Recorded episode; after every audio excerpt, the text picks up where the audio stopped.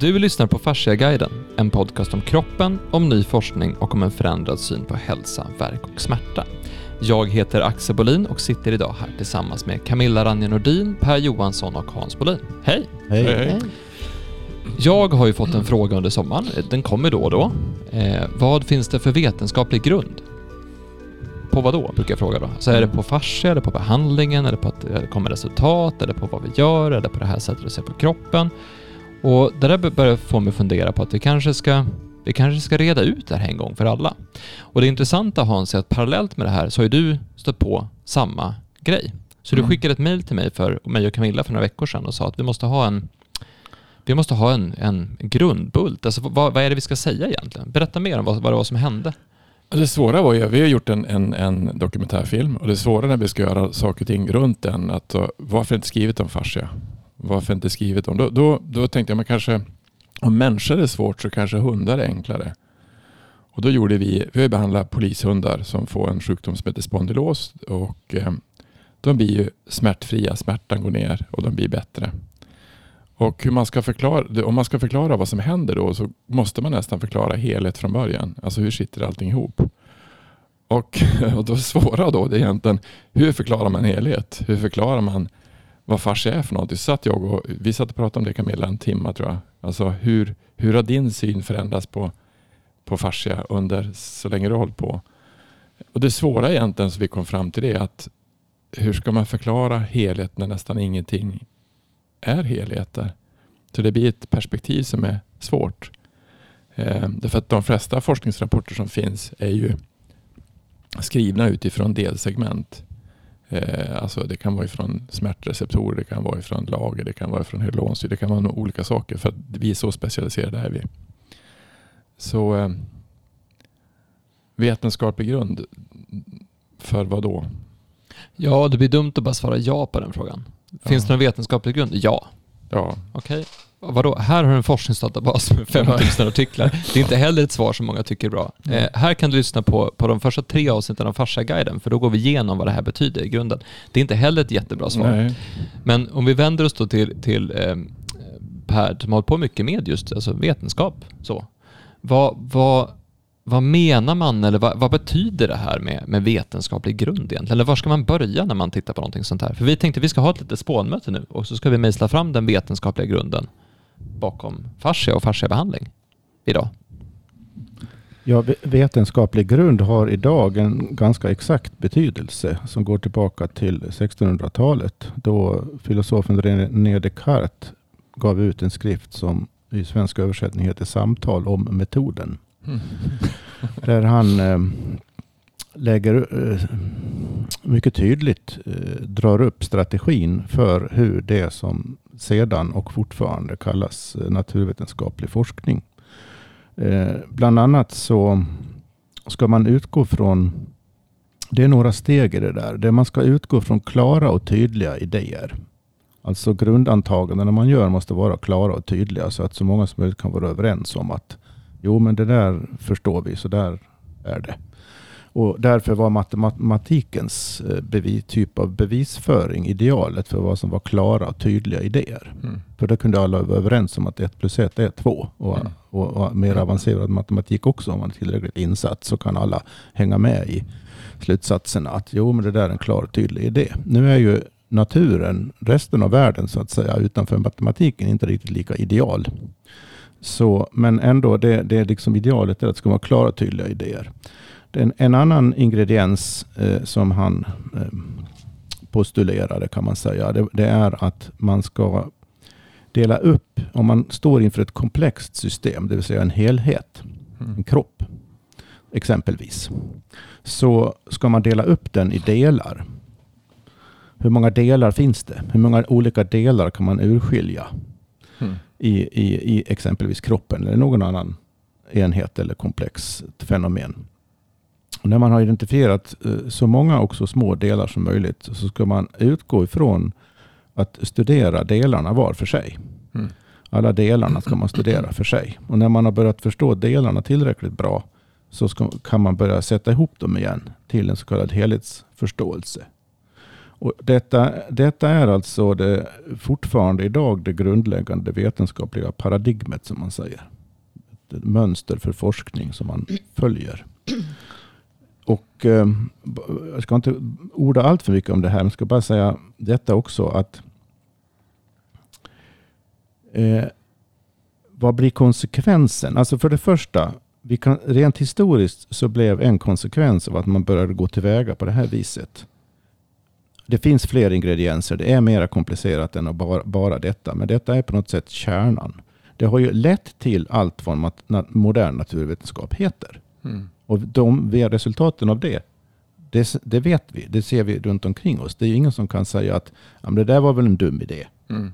Utan det var ju en fantastiskt smart idé som det gick att ta reda på och få kunskap om massor av olika saker som vi inte, egentligen inte hade kunnat få på något annat sätt. Mm. Så att det, därför blir det fel om man säger att ja, men det där är en felaktig idé, så där, det där leder vilse, det där är alldeles tokigt. Så, så kan man inte säga. Det leder uppenbarligen till, till upptäckter och, och förståelse av, av allt möjligt. Problemet uppstår när, när man eh, i själva det här sista ledet, själva hopsättningen, mm. För att vad, vad, har man av delarna, förståelsen av delarna, så ska man sätta ihop då förståelsen av alla delarna. Vad, vad har man för, så att säga, för riktlinjer eller för guidelines för att eh, eh, hur, hur ska man tänka när man sätter ihop det? Mm. Va, va, hur ser helhet, eh, alltså för att problemet blir nämligen att delarna i sig ger ingen bild av eller vision av mönster till hur själva helheten som man har utgått ifrån från början ju egentligen ser ut. Svaret på frågan om helheten finns inte i delarna. Och då blir det svårt att sätta ihop dem. För att man måste ha någon sorts föreställning om hur helheten egentligen ser ut. Och eftersom paradigmet säger då att man ska förstå helheten utifrån delarna. Men sen när man ska sätta ihop det så funkar inte det. Hur blir det då? Då, då, och då, då, då uppstår den här frågan. Ja, men okej, okay. hur förstår man helheten då? Så vi vet var, var delarna ska placeras in i förhållande till varandra. Mm. Och då blir det en helt annan fråga. Mm. Vad, är en, vad, är, vad är en helhet? Och en, en, en, sak till som vi säkert kommer att komma in på, bara väldigt kort.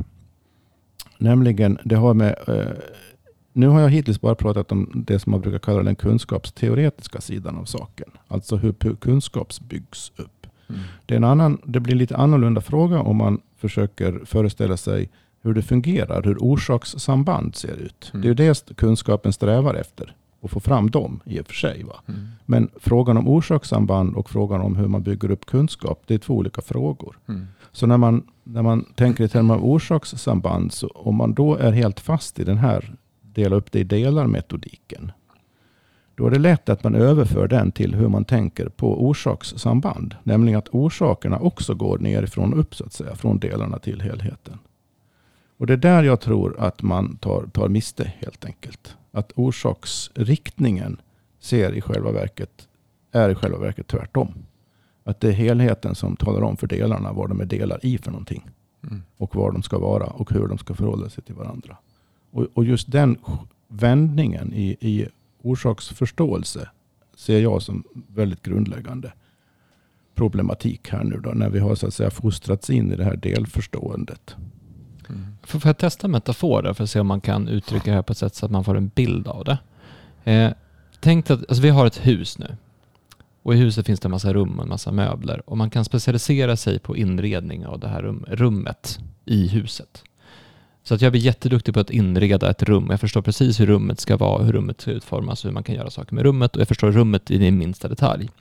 Min förståelse för huset är lite mindre, men jag förstår att det finns ett hus.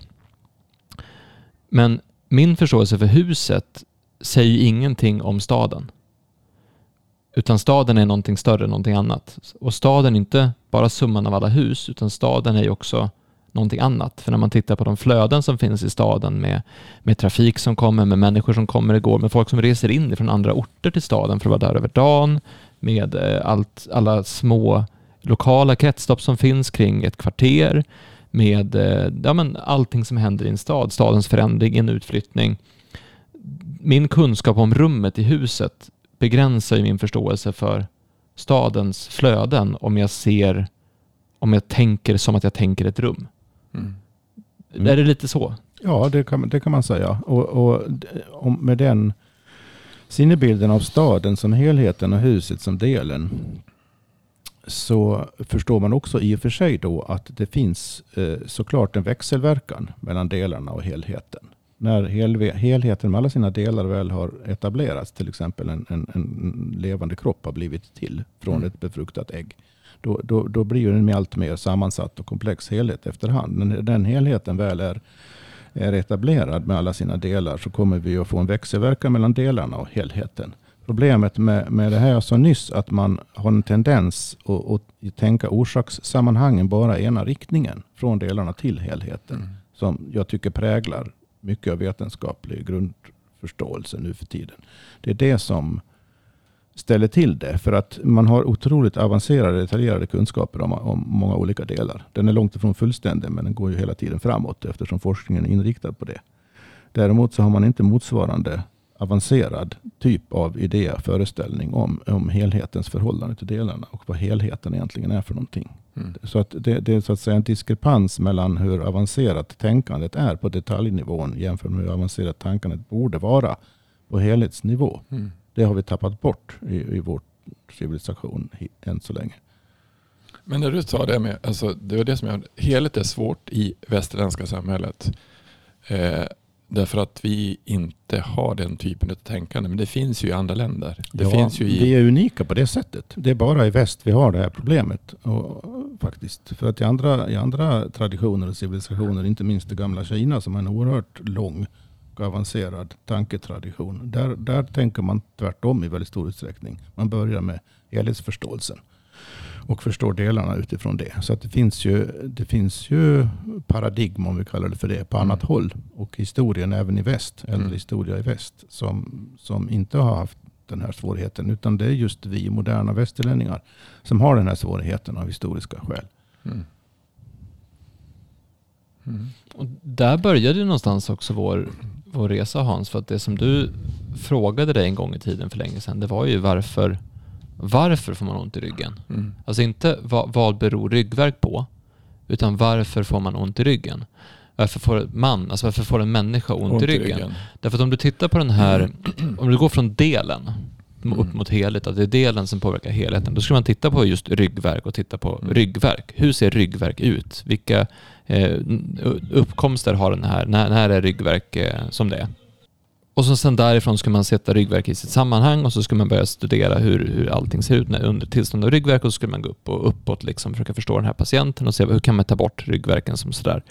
Men om man tittar på varför man får ont i ryggen, då måste man titta på först vad, hur ser en människa ut? Alltså hur fungerar vad, en man, kropp? vad har man varit med om? Alltså Ja, hur- så är det så att om man ska ta eh, det man försöker göra i, i när man ska ha en helsyn på en människa. Det vad har du varit med om? Vad, vad har du gjort? När började det? Vad, vad hände då? Eh, Ja, hur sitter en kropp? Hur ser en frisk kropp ut? Hur, hur sitter kroppen ihop? Hur fungerar kroppen i, i när den inte har ryggverk? Och vad, vad finns det för blockeringar som kan, kan ha Ja, kommit exakt. sen? Så man måste bryta ner från andra hållet. och se, vilka, och se vad vad de har varit med om för något. Vad är det som har hänt? Och det finns ju de som kommer till oss som inte har speciellt mycket problem men som har väldigt ont. Varför har de ont? Vad är det som har hänt? Vad är det som har hänt i livet? Vad är det som har hänt i hela, hela skeendet? Ehm. Därför det här med att försöka bygga en vetenskaplig grund eller en, en förståelse för vad det är som händer, det är inte någonting som vi bestämde oss för att börja med förra veckan. Utan det är någonting som du har hållit på med, eller vi har hållit på med ända sedan 2012, Vi- vi- 2013. Alltså du har ju suttit med, jag minns jag kom hem någon gång och så sen så satt Hans liksom på golvet och så runt sig hade han massa utskrivna papper. Jag bara, vad gör du för någonting? Jag försöker få det här att hänga ihop. Ja, det går ju inte. Det är omöjligt. Det, det är fruktansvärt svårt. Och det, men det som jag också försökte göra det var ju att kan vi hitta exempel på, första när vi började, det var att om vi gör, behandlar hästar och människor, kan vi skriva behandlingsrapport vad som har hänt så att vi kan erfarenhetsmässigt bygga vad det är som har hänt. Eh, och det var ju så vi egentligen började titta på. Det var ju inte så lätt kan jag säga. Det var, det, för det är alla människor olika. Och det, men, men resultaten kom ju. Vi fick ju bra resultat hela tiden. Men vad beror det på? Eh, och det var ju först när, när, när Camilla började jag orkar, alltså man vart ju helt yr i huvudet av att läsa alla forskningsrapporter. Det blir man, eller hur? Det blir jag med. alltså, har någon annan sökt bli yr i huvudet istället. Men du kollar ju på, du hade kollat nu på eh, fascia som helhet, från, alltså hur sitter kroppen ihop? Så det är ju faktiskt en helhet, det som håller ihop allting som Jag tror vi har någon film med Vibeke som den första föreläsningen vi hade för 2017 som vi spelade in med henne. Då sa hon att, att kroppen egentligen är ett enda system. Det är ett fasciasystem. Det är allting som sitter ihop. Det sitter ihop med fascia. Men då hade vi hittat en annan vetenskaplig grund som var ännu äldre än, än den där. Nej, nej, men det märkliga är att, som sagt att fascia har blivit helt... Det har ju kommit tillbaka nu på 2000-talet. Men innan där så var det helt bortglömt. Och jag läste en artikel av en forskare som heter Sue Adström. Hon, hon har varit med i den fascia kongress, eller gruppen med, med definition utav fascia och sådana saker. Men hon har skrivit också en artikel 2019 som heter A History of Fascia. Och hon har gått igenom redan från alltså 1500-1600-talet. Och hon, hon säger att man pratade om kroppens membran redan på Egypternas, alltså pyramidtiden. Och eh, hon eh, skriver om en forskare som heter Crook. Från, man har skrivit en artikel 1651 eh, ja, hon menar alltså det, det finns i sina medicinska skrifter redan från pyramidtiden. Så pratar man om, om kroppens mem membran. Men han har gjort, den här Crook har gjort eh, 1600-talet. Alltså har gjort en klassificering utav kroppens membran. Och det, där är, alltså, det är fascier. Det, där är alla. Det är lungsäck, hjärtsäck, det är bukhinna. Det, det är liksom alla. Eh, redan alltså, från fosterstad, fosterhinnor. Och, och eh, även eh, mer fasta strukturer som fascialata och, och liksom sånt. Mm. Allt är med. Och så skriver han också att eh, alla de här membranen i kroppen, citationstecken då, så har han skrivit är organ of the sense of touching. Och alltså, redan då så menar de liksom att mm. man, hon menar, man, man visste att det var de här fasciahinnorna. Att det var da, det som liksom hade nervreceptorer som, som liksom mm. kände av kroppen. Han säger också att organ och muskler, de är helt okänsliga. De har ingen, ingen liksom känsla för beröring. Mm. Det, det, kanske inte var helt rätt då, eftersom de är alldeles invävda med, med eh, fascia, så som vi ser det nu. Men, men det, det, är ju helt korrekt så som, alltså korrekt, men det är så som man har kommit fram till nu. Att, att eh, allting sitter i fascian. Alla mm. nervreceptorer sitter ju faktiskt i fascian. Även om man säger att, att det finns eh, receptorer i musklerna. Så sitter de, och det är muskelspolar och sånt. Då. Men de sitter ju faktiskt i fasciahinnor i mm. musklerna. Det är bara det att man ser muskeln som en helhet, som ett organ. så att säga. Men, Eh, så man var på rätt ja. spår redan på 1600-talet. Vad hände redan. sen då? Och sen började man ju balsamera kroppar för att de skulle hålla. Och sen var det väl på 1800-talet som man eh, kirurger och eh, alltså, anatomiforskare började, ville komma åt organen. Och då upptäckte man att balsameringen hade ju, det förstörde ju fascian. Fast man tänkte inte så. Utan man såg bara en massa hårda, hårda vita hinnor. Som liksom, den stelnar ju. Alltså allt, allt, ja, när man balsamerar så det är ju formaldehyd och, och andra eh, sprit man använder. Och det förstörde fascian. Och då börjar man med någonting som hon skriver cleaning the body. Alltså man måste rensa upp kroppen för att komma åt organen. Mm. Och, och sen efter det så blev fascian bortglömd. För man nämner alltså, först pratar man om organ, eller membran, men, men det nämns även fascia.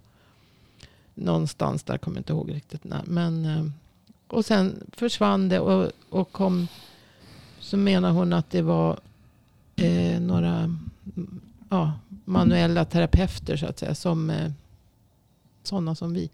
Som fick sådana bra resultat av sina behandlingar. Och så visst ville de liksom ta reda på vad, vad är det som händer. Mm. Och det var de som triggade igång forskningen på 2000-talet igen. Med mm. fascia. Alltså osteopater och så. Och, och eh, eh, han Andrew Still. Han, han levde någonstans i slutet av 1800, början på 1900. Det var han som startade osteopati. Ja. Han pratar ju också om fascia. Ja, men precis. Han gjorde det. Och så att det, det, kom, det var ju det. vissa hade det där, den känslan kvar så att säga. Men alltså att, att man förstod det redan på långt, långt, långt, långt. långt. Det svåra egentligen tror jag när man pratar om det här är att, det är att eh, när, man, när man ska beskriva en helhet och så fastnar man i delar så blir det det är det som vi gör. Alltså egentligen är kroppen bara en enda kropp. Ett enda flöde. Allting sitter ihop. Men så fort vi börjar prata om delarna så, blir det ju, så går man in i det. Det är ungefär som man skulle... Det, det, man, man pratar om rörelseenergi. Vi säger att man pratar om... Ja men eh, du kastar ett spjut. Ja men han... Eh, han hade dålig avsättning. Alltså han hade någonting, man studerar någonting i rörelsen och så säger man det där vart inte bra. Eller en golfsving eller en tennis. Alltså när du slår till en golfboll då går klubban 100, 100 vet du, miles per hour säger vi. 180 kilometer i timmen när du hittar bollen. Vad, vad hände innan? Alltså före och efter. Det är ju ganska svårt för det är ju en rörelse. Och det går inte att separera en rörelse på samma sätt. Det går inte att separera en helhet. Och det är det som är svårt egentligen när man har allting som är eh, om man ska förklara en helhet som dessutom är i rörelse, som alltid händer saker och ting hela tiden, så brukar jag säga som han sa eh, eh på Fasciaristisk kongress. Han sa att du har en fot nu och en annan fot nyss. Och nu har en annan fot. Alltså det händer saker hela tiden i kroppen. Det finns ingenting. Du kan inte, du kan inte avläsa hur det ser ut nu och Ja, men egentligen finns ju ingenting i naturen eller världen som är statiskt, eller på det sättet, utan allting är alltid under förändring. Så att när vi tittar på någonting statiskt som en ögonblicksbild så blir det alltid, det är alltid svårt att, och även saker som kan vara statiska, vi säger att du tittar på en tavla som är samma, det har varit samma tavla i 400 år, så kan ju den upplevas olika beroende på när du tittar på den. Ja. Att du kan ju se en film idag och så kan du se en film om fem år. Det är en helt annan film för den betyder helt annorlunda saker. Därför du har förändrats. Så att det här med att, saker, att vi ska betrakta saker statiskt är också lite märkligt egentligen. Det här är, är väldigt relevant i, från det här jag inledde med att säga från metoden. Jag sa att eh, den kräver klara och tydliga idéer. Mm. Det vill säga väldigt klart definierade begrepp. Och om man ska studera kroppen, vad är det man klart kan definiera då? Utifrån en sådan utgångsstarkt antag, grundantagande man gör. Det hänger ju i sin tur ihop då det här med det Camilla sa, när man började den moderna anatomiforskningen började göra sig, så att säga, göra sig av med fascian för att tydligare se organen. Mm. Organ, organförståelsen blev grunden för den medicinska förståelsen. Mm. Och, och, då är det lätt att glömma bort också att hela, hela förståelsen bygger på, på döda kroppar egentligen. Det vill säga mm. inte levande kroppar.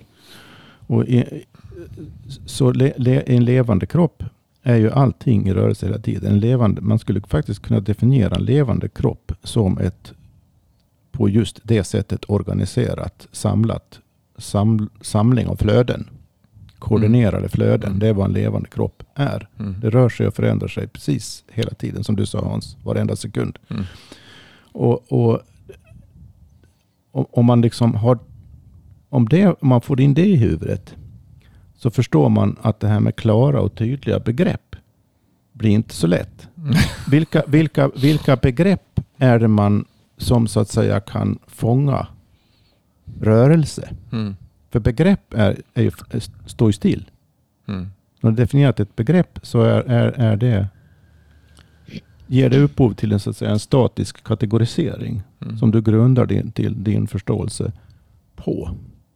Så, och det, blir, det är därför du kan göra eh, intellektuella konstruktioner, intellektuella teorier och dra en massa intellektuella slutsatser och göra väldigt kontrollerade experiment och så vidare. Det bygger just på detta. Mm. Att, att du har väldigt klart definierade begrepp och klart definierade procedurer och så vidare. Som är en sorts pros, procedurell motsvarighet till begrepp kan man säga. Så att om, om, om du vill uppnå en förståelse som inte lämnar insikten att det hela tiden rör sig och flödar. Mm. Hur gör du det?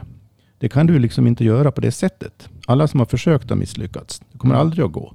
Det är en varning till alla som försöker få förstå någonting på det sättet. Om ni vill förstå helheter och levande varelser på det sättet så kommer ni, kommer ni att misslyckas. Det, punkt slut. Mm. För det är så många som har försökt nu, även nu för tiden. Och det, det, man låser, förståelse som låser fast det som egentligen rör sig kan ju naturligtvis i sig inte ge någon förståelse för det som rör sig. Mm. Så, så på vilken grund förstår man det som rör sig?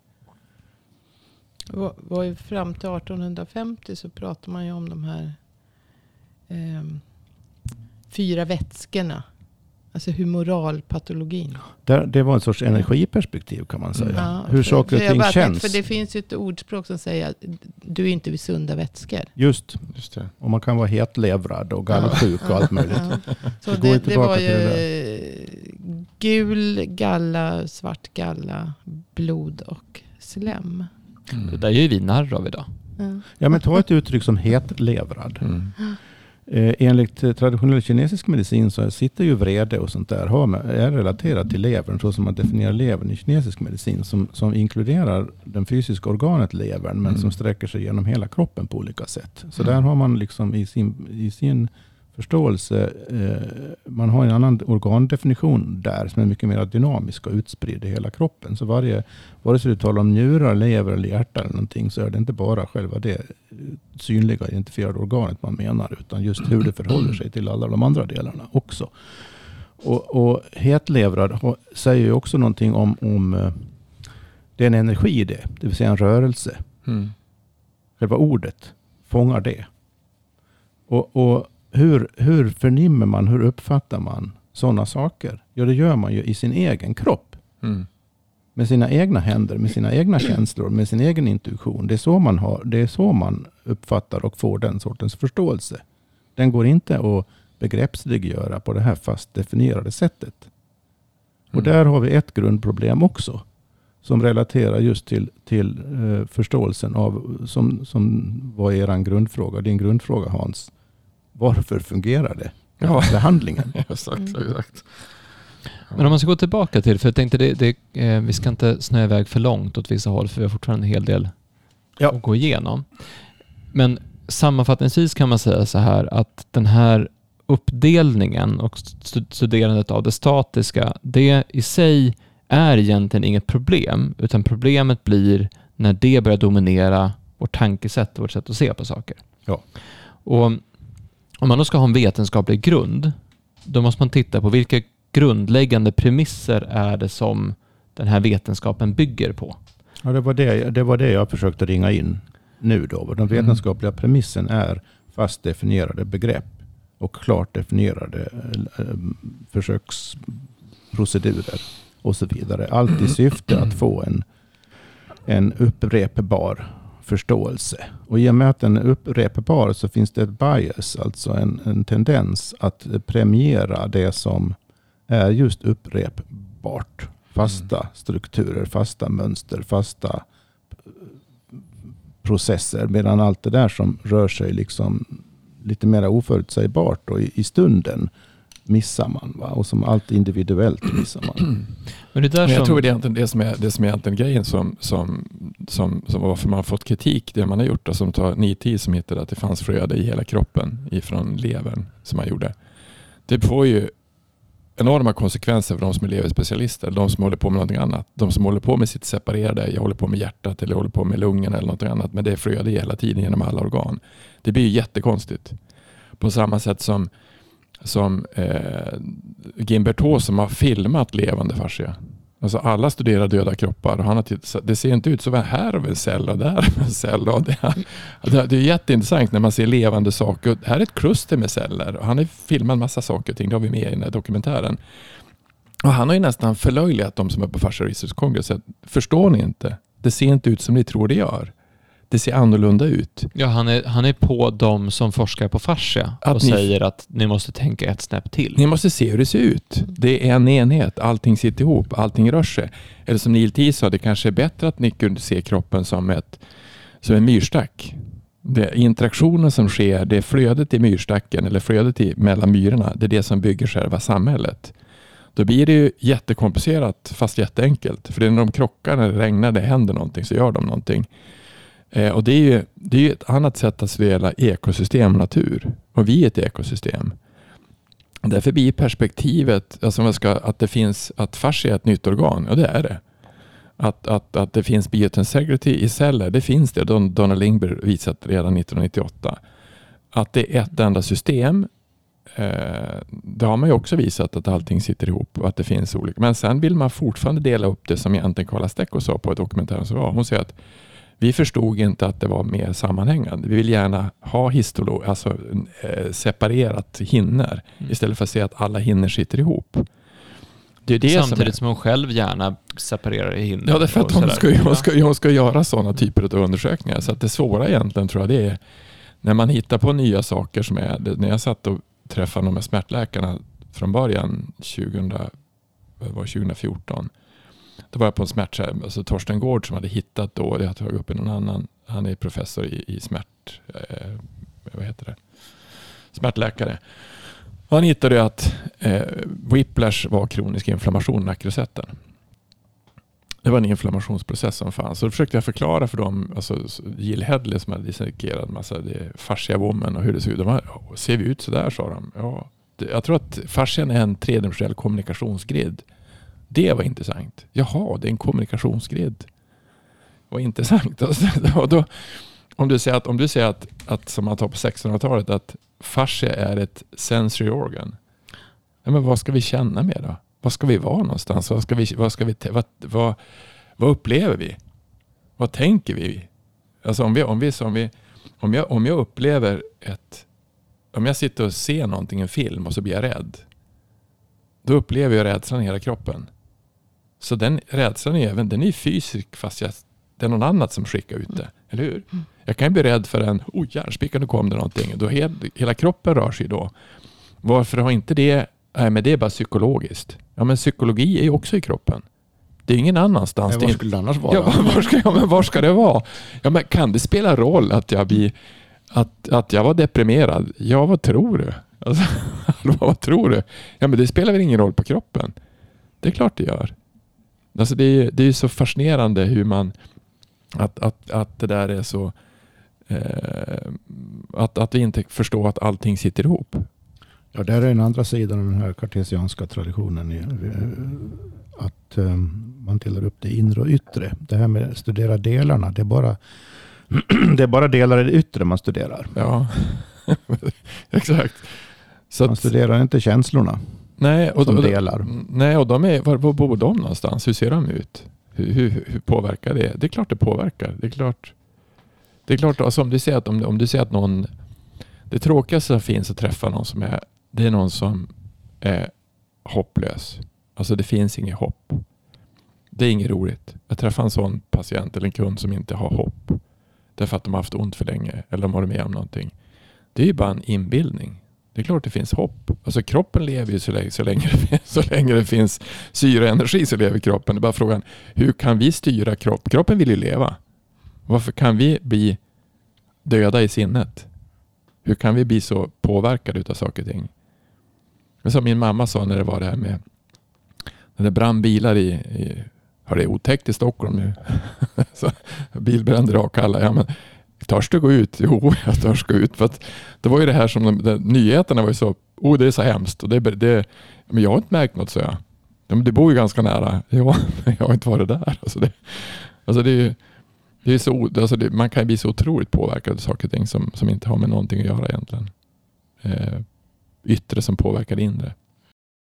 Så om man ska ta fram en vetenskaplig grund då, Ja, vilket vi sitter här och ska diskutera. lycka till. Eh, men, nej men det, är, det är inte så mycket lycka till. Jag skulle säga att vi har kommit ganska långt på vägen. För det, någonstans är det så, man måste titta först på vilken, vilken princip är det som ligger bakom det vetenskapliga resonemanget. Och du skulle säga att en princip jag varit inne på, det är ju att, att det är helheten som bestämmer delarna. Alltså att helheten definierar vad som händer med delarna. Delarna kan absolut påverka helheten, men helhetens påverkan på delarna är alltid dominerande. Den är alltid Mm. i första hand. Kan vi, kan vi komma överens om att det Ja, kan vara en bra det är en grundbult? helt nödvändig grundbult. Ja. Den andra helt nödvändiga grundbulten är att det inre livet och det yttre livet hänger ihop och är en, o- en sömlös helhet. Det också. Mm. Att man får inte separera det inre och det yttre. Mm. Så att man behöver nya sätt att tänka på helhetens roll i förhållande till delarna. Man behöver nya sätt att tänka på hur det inre och yttre hänger ihop. Bara man får kläm på de sakerna så kan man komma någon vart. Det är för det jag, jag och Camilla satt och skissade på när vi började förbereda inför det här, eh, innan vi ens visste att vi skulle göra en podd av det, utan, utan hur skulle vi förklara vår vetenskapliga grund? Hur skulle vi förklara vårt resonemang, logiken bakom det? Hur skulle vi förklara fascia och vad som händer med fascian? Var ska vi börja någonstans? Och då pratade vi om att vi skulle börja att kroppen sitter ihop. Mm. Och beviset på hur kroppen sitter ihop är fascia. För när man tittar på, när man följer fascia så tar det aldrig slut. Mm. Det är ett nätverk som, som aldrig tar slut. Allting sitter ihop med allting. Från ytan av huden in till cellkärnan så sitter allting ihop. Du kan se det här trådnätverket gå från, det går in i muskler, det går in i organ, det finns i stora stråk, det finns i små stråk. Och runt det här finns all den här vätskan.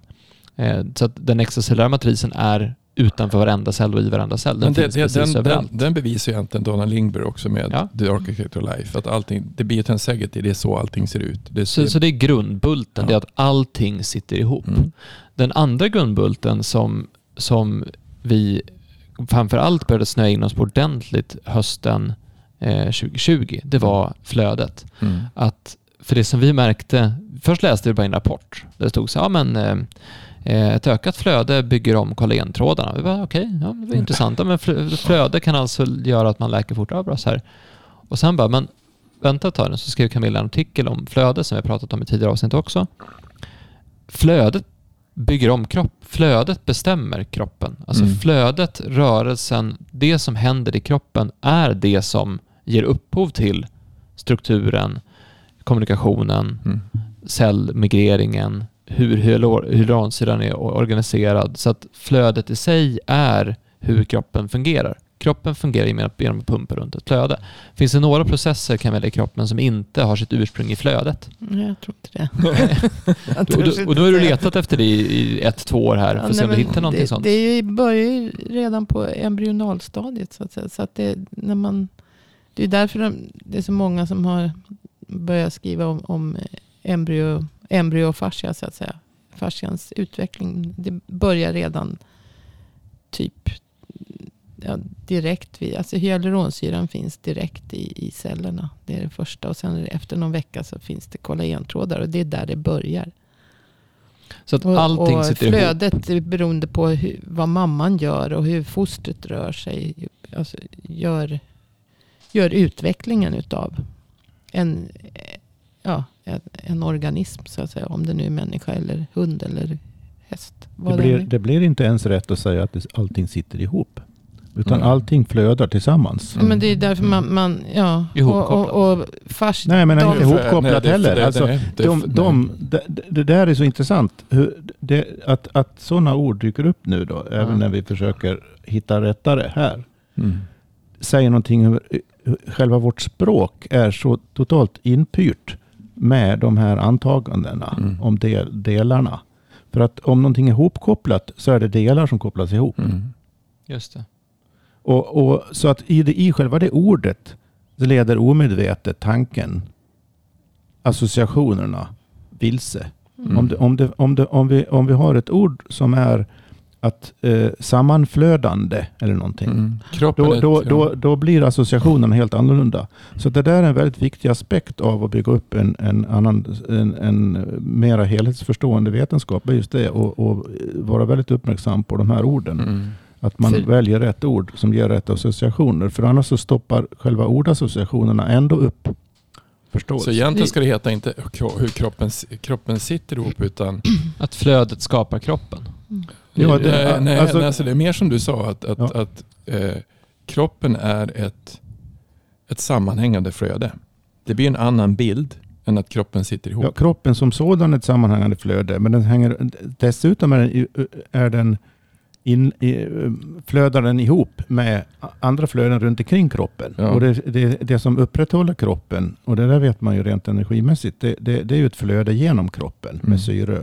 Andning och mat är ju, är, ju, är ju i sig ett flöde genom kroppen hela tiden som gör att den kan Mm. bibehålla sin, sin eh, existens överhuvudtaget. Och sen, sen så, så att det, det är flöden utifrån och in och det är också flöden i, i kroppen som har sina speciella kännetecken beroende på vad för, vad för sorts organism det är. Mm. Och definitionen av helhet är just det att, att den flödar på ett Mm. speciellt sätt. Mm.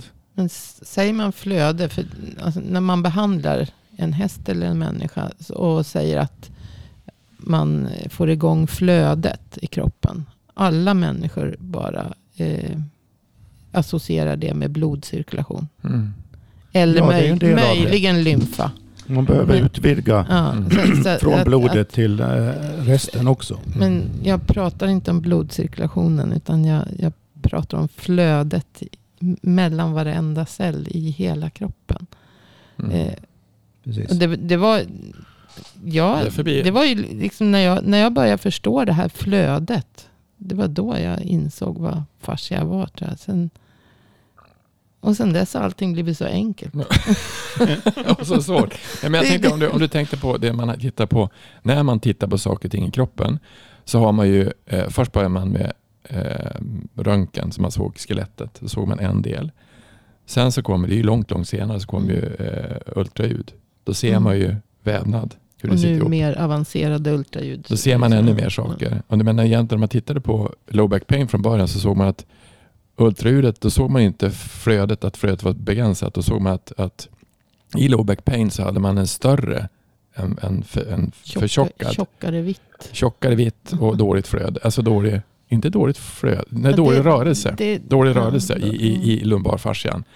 Om man då skulle ta, då det här är så intressant, om man då tar och tittar på flöde ifrån ett annat, ett annat instrument som är ganska intressant, det är termografi. För då ser du energin i kroppen. Du ser ju värmen. Mm. Och om du tar då, och jag har inte tänkt på det, men, men chi är ju, alltså man säger, chi är energi. Och vi utstrålar ju energi. Och energi egentligen, det är ju värme. Mm. Så termografi är det närmaste vi kan komma att se på en människa ifrån ett värmeflöde. Hur det egentligen är. Egentligen. Det är ju ser bara- du ser- infraröd du- strålning. Så att det, Ja, det är infraröd strålning. Det är det, vi, det är det vi ger ut. Men det, Ja. det som har då varit intressant när vi var på, när vi kollade, för det var Karl Hoffors, så att termografi var intressant. Det var ju ett krig om termografi på 80-talet som termografin förlorade. Därför att det var, man, man, alltså termografi, alltså i, det som var intressant med termografi är att du kan ju se inre blödningar som du inte kan se med något annat. Så det är jättebra i akutvård. Du kan se inflammation innan det har, alltså kronisk inflammation, daglig inf- inflammation. Men du kan se tumör. Om, du om kan se tumörer men det, också. Du, du kanske inte kan göra det på djupet. Men, eh, Men Så att jag har träffat de här, jag har träffat de här, eh, de, för det är ett svenskt bolag fast amerikanskt nu som heter, vad heter de? Flir som gör det där. Och det förklarar att man, alltså med eh, Torsten Gård och med eh, low back pain, alltså det som fanns, och, eller med framförallt med, med whiplash.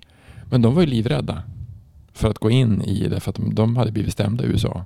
Så det var ju ett krig. Så att de tordes inte gå in. De kan, man använder ju termografi för att fota hus som läker och skjuta ner folk som springer runt som ger ut värme. Och, man Ja, och de, de hade visat en uppfinning där de hade fotat eh, djuren på kor. Så att kor Ja, går det. igenom en station. I den stationen mäter de då ja, men termografiskt vä- värmen då på, på djuren Mm. för att se om, om det finns någon Inflammation. information Mm. eller pågående sjukdomsförlopp eller någonting sånt för att kunna ta ut korna i tid för att inte de ska vara för sjuka sjuk- för länge mm. och mjölken ska bli dålig och så vidare. Ehm, men Så att, men det, som man sa, det som var intressant med, med termografi och värme, vi har inte samma värme.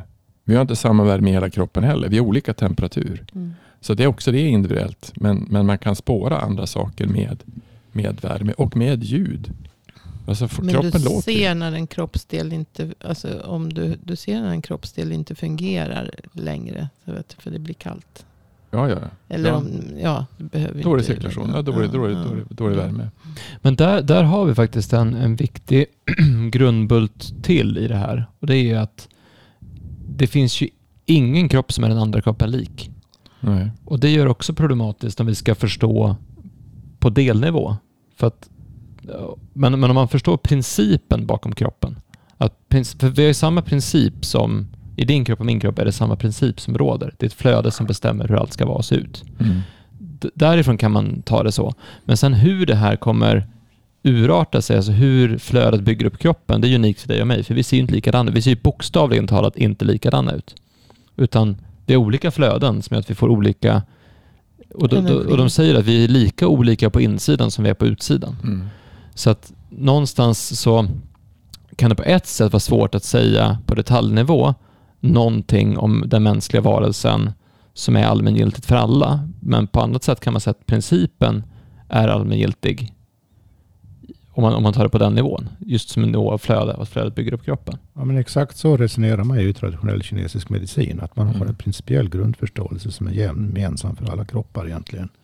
Och, om man relaterar den principiella grundförståelsen till mötet med den enskilda patienten och tar reda på den patientens historia. För det Mm. gör man i den traditionen. Man frågar om allting. Familjeförhållanden Ja, och upplevelser och rubbet. Liksom. Och vad man har ont Alltså det finns ingenting som utesluts egentligen. Mm.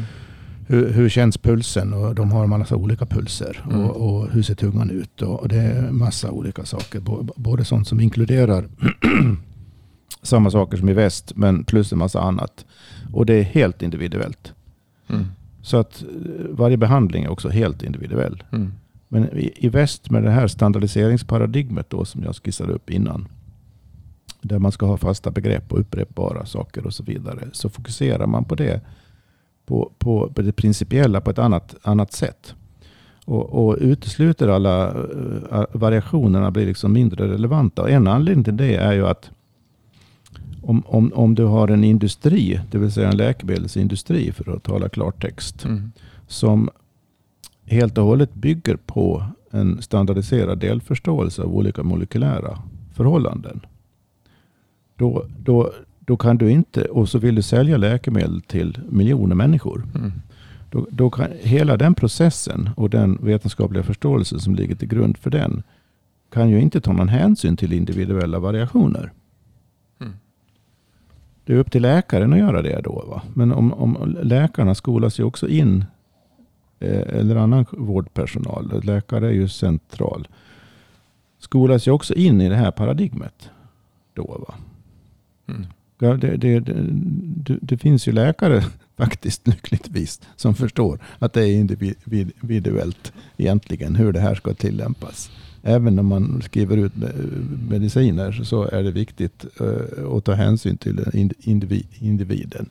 Men det, det hamnar liksom i hur sjukvårdsapparaten fungerar så hamnar just detta liksom otroligt lätt i skymundan. Vilket är en, en anledning till att många läkare inte trivs med sina jobb heller. Mm. För att de känner att de får inte liksom ut, utlopp för det där och ta någon hänsyn till de individuella förhållandena. Utan det, det är lite grann som en, en, en, en, en fabrik med en helt annan sorts flöden än det vi pratar om här. Mm. Men så att vi ändå ska ta oss vidare. Jag märker att det här kommer bli... Eh, eh, ja, jag, jag tror att, att tankesättet... För det här, vi gör ju också det här för att vi ska kunna fortsätta arbeta Mm. vidare med det och ta fram det här, det här pappret som jag pratade om vi ska Mm. ta fram egentligen. Ett papper. Ett papper. Ett papper. Nej, men för det vi gick vidare med att tänka sen, det var ju att, så vi pratade om hur kroppen fungerar, att det är det flödet, att flödet i sig är det som bestämmer eh, hyaluronsyran, strukturen, kollagenerna, kommunikationen, cellen, allting kommer från det här flödet. Så.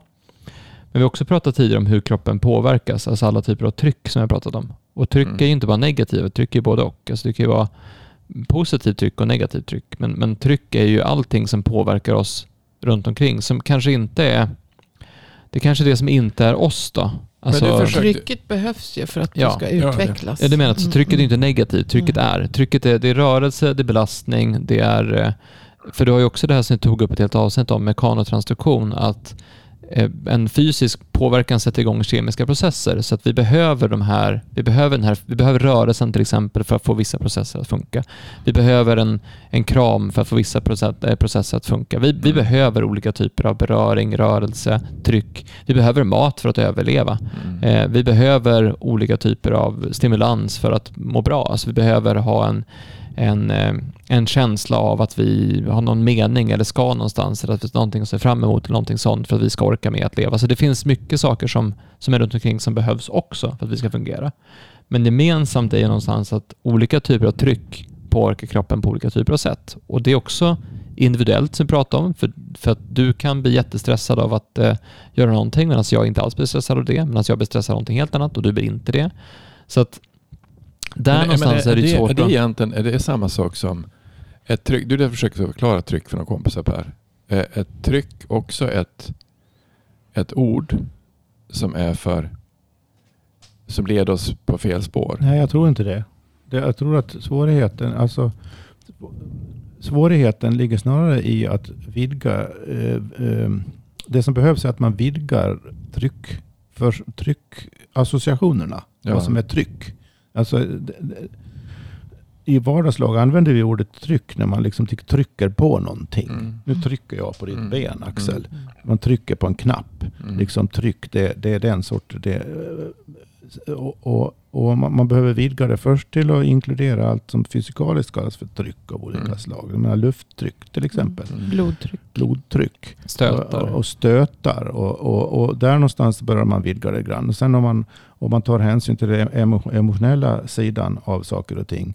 Så är det uppenbart att man kan känna ett Tryck. emotionellt Mm. tryck Tryck över bröstet. över bröstet. Ja. Eller man kan känna en, en ilska. Mm. Eller, man kan, eller en, en positivt tryck så kan man känna eh, en känsla av kärlek till någon. Mm. Någon är ett sorts, också någon sorts tryck. Ja, Alltså, eller, all- eller alltså, all- avsaknad av tryck, alltså en lättsamhet. En, eller ja, avsaknad av tryck av ett visst sorts tryck. Mm. Snarare. För det finns ju alltid något tryck. Mm. Man blir aldrig av med. Alltså det som, som Camilla sa, det, det behövs.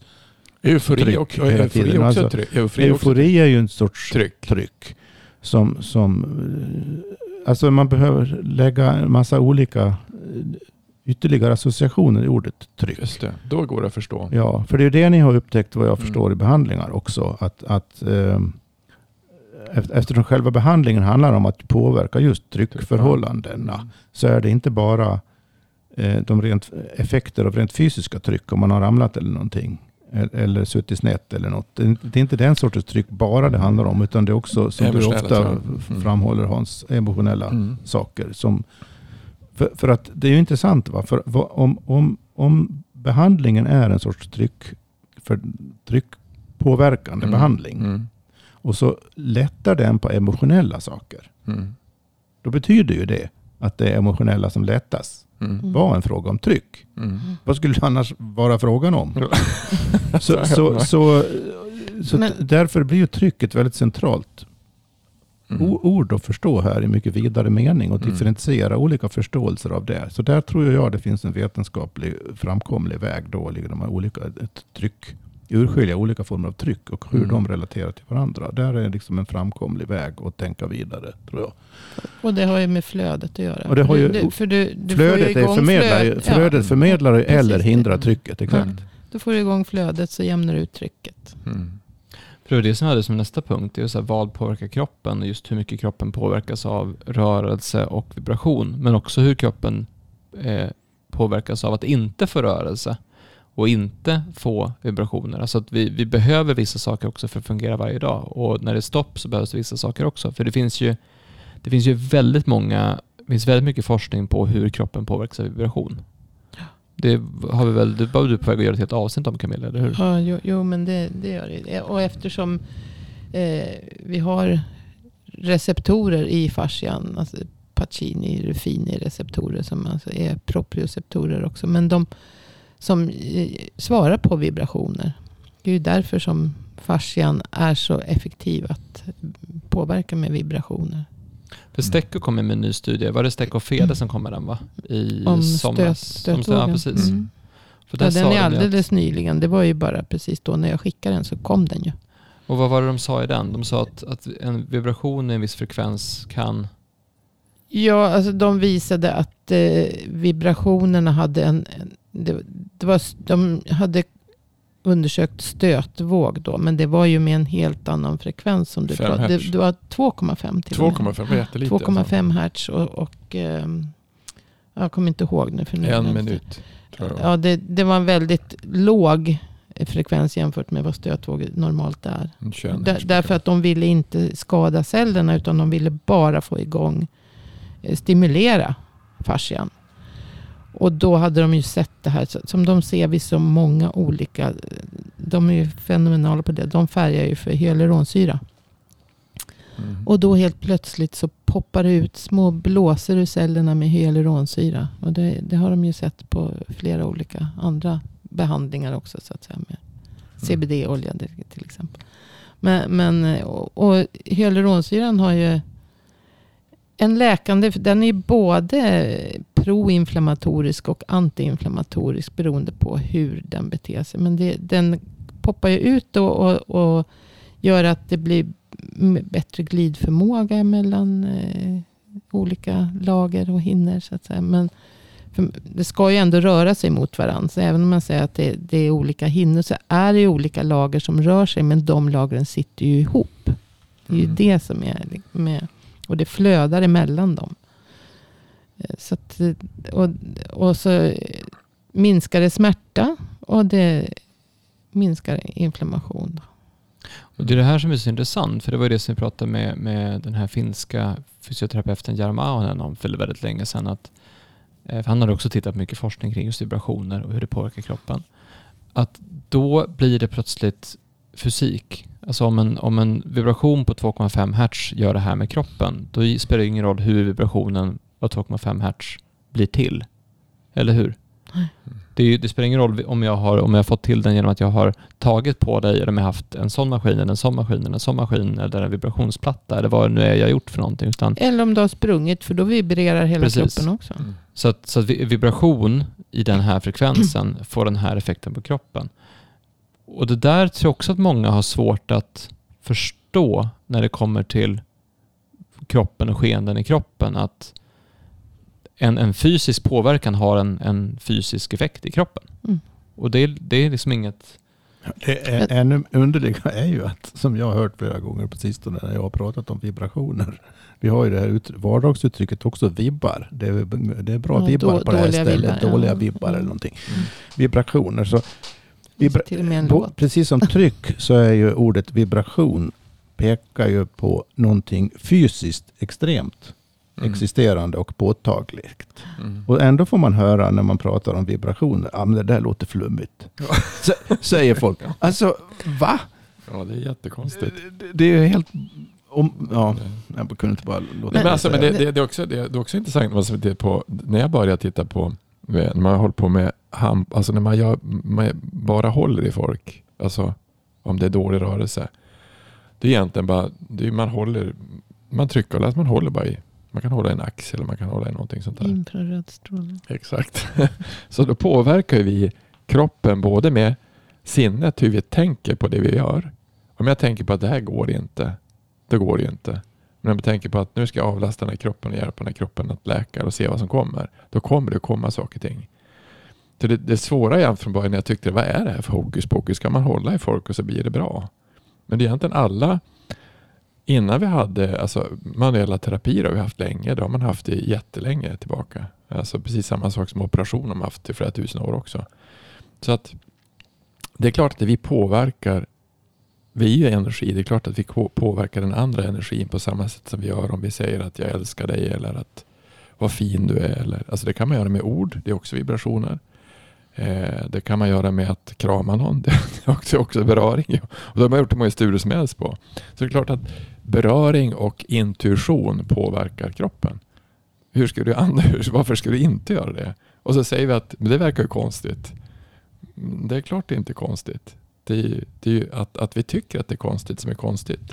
Nej, problemet här är att, vi har, att när man pratar om vetenskaplig förståelse och, och, och så vidare så har vi ju så bortser ju den som jag har sagt flera gånger nu avsiktligt från den sortens vardagliga er, erfarenheter. Mm. Så vad som har hänt är ju egentligen att våra, våra helt självklara vardagliga erfarenheter av saker och ting har för, fullständigt tappat kunskapsstatus. Mm.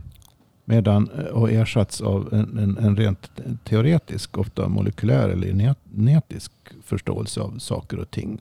Som, som ingen har någon direkt erfarenhet av. Som är en rent instrumentell och teoretisk förståelse egentligen. Har liksom börjat ersätta den här självklara vardagliga förnimmandet. Mm. Som vi hela tiden lever med allihopa. Så, så det, det är mycket det det här helhetsförståelseskiftet som behövs handlar om. Att återföra kunskapen till det vi faktiskt var och en ganska enkelt kan uppfatta. Det som också är ju, är ju det i den här typen av behandling som bedrivs här. Är det som handl- det handlar om. Mm. Så det är väldigt påtagligt och inget konstigt. Och det, Ja, men det, Nej. det här, nu ska vi se, för nu blir det, det här blir riktigt lurigt här. Så nu har vi, nu har vi börjat med att prata om att, att alltså fascia och hela den grejen visar ju att det här är någonting som, och vi sa inte sitter ihop, utan det här är någonting, det är en, det är en, en sammanhängande konstruktion som styrs av ett flöde. Så där, och det finns ju otroligt mycket. Det, det här har man gått in i kroppen och fysiskt sett att det här finns. Alltså Gimberto har varit inne och filmat och sett att det här Mm. finns. Karastek har gjort tester och visat att det här finns. Det är inte så här, det är inget påhittat, det är ingenting flummigt, utan så här ser det faktiskt ut. Och så pratat om att kroppen påverkas av olika typer av tryck. Och det kan vi både erfarenhetsmässigt se och vi kan också se det rent på eh, alltså i studiemässigt där vi kan se att den här vibrationen skapar den här effekten till exempel.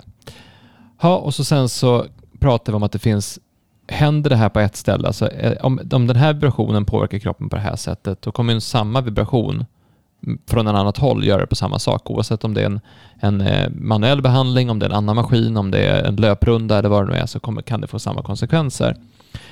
Och någonstans där har vi förklarat varför maskinen har en positiv effekt på kroppen när vi behandlar. Och då kommer vi till det här med vad kan man behandla? Och då har vi olika typer av case och vi har testat och se kan vi i en mer klinisk miljö testa det på frozen shoulder i en ganska liten begränsad studie som hade de här strikta ramarna som man måste ha inom vetenskap och så vidare. Men det är här det blir så fruktansvärt lurigt för nu är vi nere på den nivån där man börjar om man går åt andra hållet. Då börjar man ge med frozen shoulder och sen går man uppåt Mm. och försöker förstå det så här.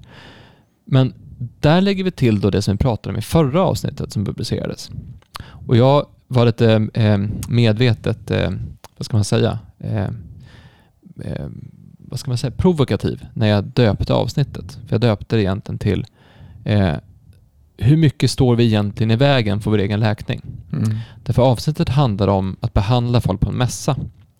Och hur det på en mässa helt plötsligt blir mycket, mycket det kan bli helt Mm. fantastiska behandlingsresultat. När vi har garden nere, när vi inte har förväntningar, när vi är utomhus, när det är lite mer hipp som happ, när det är lite sådär.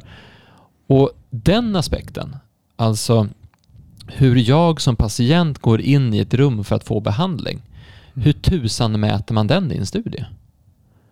Alltså jag, jag, hur, hur- ska man kunna svara på Jag tror, man måste, Det. jag tror man måste ändra egentligen på alltså det som du sa Per. Jag tror att det som vi säger att det finns inre och yttre, det finns inget yttre.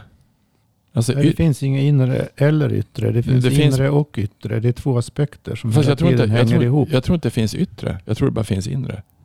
Alltså egentligen så, det enda vi är med om, det är inuti.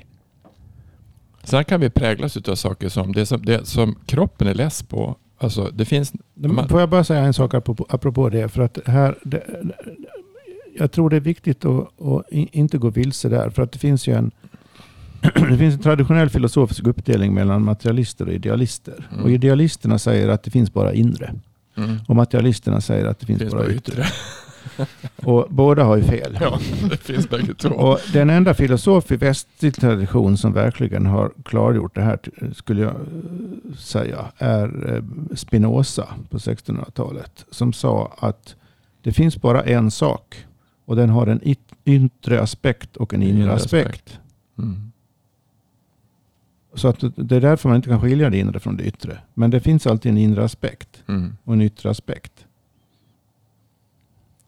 Ja, bara för att markera därför- det. men det- liksom. om det- Men det- fortsätt. för Du, det, jag- det, det, det som jag inte menar är att alltså, det, så är det, finns en aspekt, man kan få två olika saker av det. Men det som är lurigt med vissa saker som är som inte vi är med om, det är att i kroppens, i, i flödets perspektiv, så händer det en massa saker inuti kroppen hela tiden. Och om vi skulle veta alla saker som händer i kroppen, då skulle vi, då, vi skulle bli jätteskrämda. Alltså det händer mycket grejer som helst som inte ens är roligt att veta om. Vi ska tuppa av och eller Vi ska, vi ska, tok, vi ska tok upp av på en gång och så vad som händer. Oh herregud, är det där nu?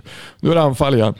Eh, så att vi, vi lever ju nästan i en skräckfilm fast som är ganska rolig ändå. Men, men det som är t- kroppen egentligen som jag tycker att kroppen verkar vilja vara med om det är lite grann som, som barn. Det är, att det är en ny dag. Det händer nya saker. Inte gå in i samma mönster. Så att, och det, det som är mönstret som är det är att vi blir präglade yttre att det är något fel på oss. Eller att vi går in i monotänkande. Och till slut blir det, det kan vara vad som helst. Det kan vara alltså en positiv effekt kanske är någon tycker att det är bra att vara envis. Men det är inte det. Efter ett tag så blir det bara ett enda sätt att göra det på. En positiv effekt, men det är bra att kompromissa. Nej, det är inte det. För att om du kompromissar, vem lever då? Då, då gör kompromisser hela tiden med alla. Så att vissa saker som vi tycker kanske är neutrala i sätt att uppträda kan vara skitjobbigt för en kropp som egentligen vill leva. Så att det, jag tror att det är det man måste göra egentligen. Om man, om man förstår hur mycket allting påverkar oss. Så ska man börja titta på helhet och helhetsperspektiv, då måste man se på kroppen som, alltså att det lever, allting lever. Och vad är det som har, när har du slut, när har du varit med om saker som inte varit fullt levandes? Eller varför hamna in i, alltså varför hamnar du i sorg? Men sorg finns ju inte. Jo, nej. Sorg finns ju inte. Alltså jag kan aldrig sörja. Jag kan ju sörja någon för jag tror att de är borta, men de är aldrig borta så länge jag vet vilka de är. Så att vissa saker blir så eh, jobbiga som vi är inne i. Att vi, att vi, och det är det som jag tror att jag tror att man ska, jag tror att man ska man en, alltså fascia och sätt att se på kroppen med ett, ett levande flöde. Då blir det ett nytt perspektiv att se på hur man egentligen ser på varann och hur vi behandlar varann och vad vi Alltså hur, hur gör vi? Vad är vi med om? Det är som en, en karl som jag säger, han, han ser inte på nyheterna längre för det är bara dåliga nyheter. Men sjutton vi ser på dåliga nyheter, det är inget roligt. Men där så, om vi säger så här, för vi, vi satt ut eh, för ungefär en timme sedan nu för att försöka förklara det här med vetenskaplig grund. Så, mm. Alltså vad, vad, är den vetenskapliga grunden bakom det vi pratar om? Och då, för alltså, för så ganska precis ja. 60 minuter sedan, då skrev jag ner så en fråga som jag aldrig hann ta upp. Mm. Det var, varför vill man ha en vetenskaplig grund?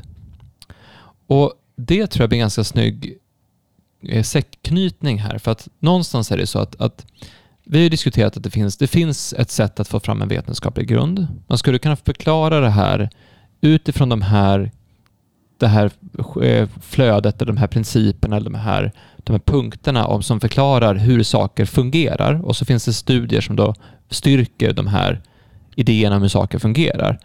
Och då är det ett papper. Mm. Men hur man förhåller sig till det pappret blir väldigt intressant. Därför att när vi säger så här, ja, vad har ni för vetenskaplig grund? Då, det man egentligen säger är så här, vilken sanning ska jag tro på med hela min kraft? Kan jag få något svar som säger så här är det? Och så blir man som så här poff. Ja, det där är en fullständig missuppfattning av vad vetenskap Ja, för det, det vi säger nu egentligen är att här har vi ett papper som förklarar hur saker sker i kroppen.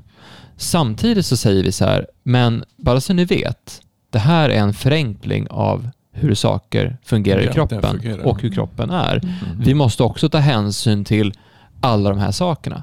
Jag tror någonstans att, för det som blir svårt med helhet, som vi har pratat om mycket i de här avsnitten också, att det blir så fort så otroligt stort. Det blir så fort så, vi pratar om tankar och känslor och yttre påverkan och allt vi är med om och så hit och dit och individ, det blir så stort på en gång och då blir man som så här bara för, man, för man, man tror att man ska förklara allt. Men det som är grejen är att tänk om vi ska bara förklara ett papper som säger så här.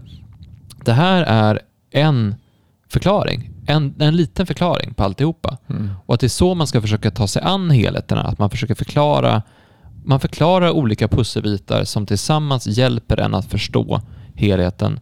För jag vet inte tusan om det går att få ner helheten i en bok. Nej, det går inte att få ner helheten i, i någonting annat än helheten själv egentligen. Så att säga. Det, det, ehm, men man, det man kan vara noga med här är vad man egentligen, vad är vetenskaplig grund? Vad är vetenskaplig förståelse? Vad är vetenskap överhuvudtaget? Och faktum är att det finns, det existerar ingen en, en uppfattning om vad det är. Man behöver, man behöver förstå vad man menar. Och jag skulle, en definition av vetenskap som jag tycker är bra, det är, som är väldigt pragmatisk definition, det är att när man erfarenhetsmässigt har urskilt vissa saker mm. som man behöver förstå. Till exempel när ni gör de här behandlingarna så fungerar behandlingarna och folk mm. blir bra. Då ställer man en fråga. Hur går det till? Ja. Mm. Och när man då samlar, så samlar man in en massa kunskap och data och fakta och erfarenheter och berättelser från alla möjliga håll som verkar kunna kasta ljus över det där. Ju mera noggrant och systematiskt det blir, desto mera vetenskapligt blir det. Så man kan säga att vetenskap är en sorts systematiserad intellektuellt klargörande av vad det är man är med om och håller på med egentligen. Mm. Det, är, det är det, tycker jag, den riktiga definitionen av vetenskap. När någon nu då kommer till er och frågar vad har ni för vetenskaplig grund för det här? Mm. Så är det inte det de tänker på. Utan då tänker de, då har de en uppfattning om att vetenskap, ja det är det där som de där naturvetarna och forskarna säger på tv eller mm. står i tidningar eller finns i forskningsrapporter och, och, och peer-reviewed journals och så mm. vidare. Det är det som är vetenskap, ingenting annat Då, men allt, nästan allt det följer ju det här paradigmet som jag började med att skissa upp i början av programmet här. Så det, det betyder att, att om man inte kan knö in hel, den här ni håller på med och det vi, jag också strävar efter att åstadkomma ett annat systematiskt sätt att förstå helheter och erfarenheter.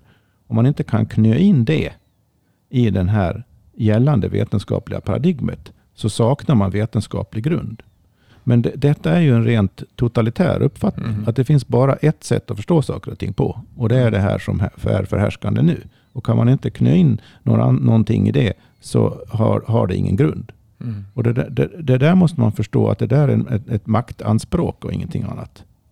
Det, det, det, är alltså inte frågan om, om, uh, om man hakar upp sig på det sättet. Då är man inte ute efter den här systematiska erfarenhetsbaserade kunskapsutvecklingen. Utan då är man ute efter att bestämma vad som är rätt och vad som är sant. Och, och en variant av, av, av det där blir ju också den enskildes uh, uppfattning som jag vet många har. är att om någon säger någonting att någonting är vetenskapligt så är det lika med att det är sant. Det är helt absurt. Mm. Vetenskap och sanning har det, det, här låter kanske konstigt, men vetenskap och sanning har inte nödvändigtvis någonting med varandra att göra överhuvudtaget. Utan, utan vetenskap är just det här metodiska, systematiska mm. klargörandet av, av erfarenheter. Men om man skulle göra så, om vi ska göra så som, som början, som jag sa, om man skulle ta hunden som exempel. Alltså hur fascia, hur fascia som, som struktur och flöde får att förstå varför smärtlindring kan hända på en hund. Mm. Eller hur? Mm. För det, är, det är ju fakt, då har vi, det är bra testcase. Eller hur? Då har vi, då har vi med fascia att allting sitter ihop. Vi har med att det finns ett flöde. Det finns ett begränsat flöde därför att det finns inflammation i hunden. Och vibration och rörelse påverkar flödet och gör att inflammationen går ner och smärtan går ner. Eller hur? Ja, jag, tror, jag tror nyckeln är just i den frågan och det konstaterandet och det är egentligen det som har, har varit våran väg också. Det är inte så här, kan behandlingen lindra smärta? Nej, behandlingen lindrar smärta, varför då? Därför Nej. det är en mer intressant fråga. För att den har gjort det på det och det och det fallet. Ja. Och jag skiter faktiskt i om behandlingen funkar på all, 100% av alla människor. Därför det, är inte, det har vi konstaterat att det är inte så det funkar. Nej. Utan varför funkar den? Och den funkar för att, och så börjar man titta på bakgrunden till det. Det är så mm. vi hamnade här. Det är så mm. vi börjar gräva i den här typen av förståelse. Och Jag tror att det där är, det där är mer likt hur vetenskap var från början. Alltså man ser någonting. Observera. Yes, yes, det är någonting som så. händer här. Mm. Varför händer det? Mm. Och då blir det en annan typ av grund. Och den grunden, för någonstans är det så här, de som frågar, eh, de som frågar, varför vill man veta det här? Mm. Någonstans är det att man är osäker på, funkar det här för mig? Mm. Och vårt svar kommer alltid vara, jag vet inte. Ingen aning. Nej. Det kanske funkar för dig. Mm. Det här är hur det fungerar i kroppen. Det här är vad kroppen påverkas av. Det här är vad som bestämmer hur kroppen ser ut. Det här är hur kroppen påverkas av vibrationer. Det här är olika typer av fall. Sen så är det så att om du tar det här problemet, det kan bero på det och det och det. Det kan bero på det och det och det. Det har säkert att göra med någonting sånt. Det, med någonting sånt. det vi gör, vi undersöker, vad, vi försöker nysta i vad kom det här ifrån? Mm. Och vi försöker nysta i, kan vi göra någonting åt det på det här sättet? Om det hjälper dig, det beror ju helt på. Och mm. det är inte riktigt svaret som folk vill ha. Nej. Men, Men det är ju det som är det härliga svaret. Så Adström då, som jag refererade till förut, hon, hon, säger, hon pratar ju inte om fascians anatomi. Hon pratar om fascians anatomier.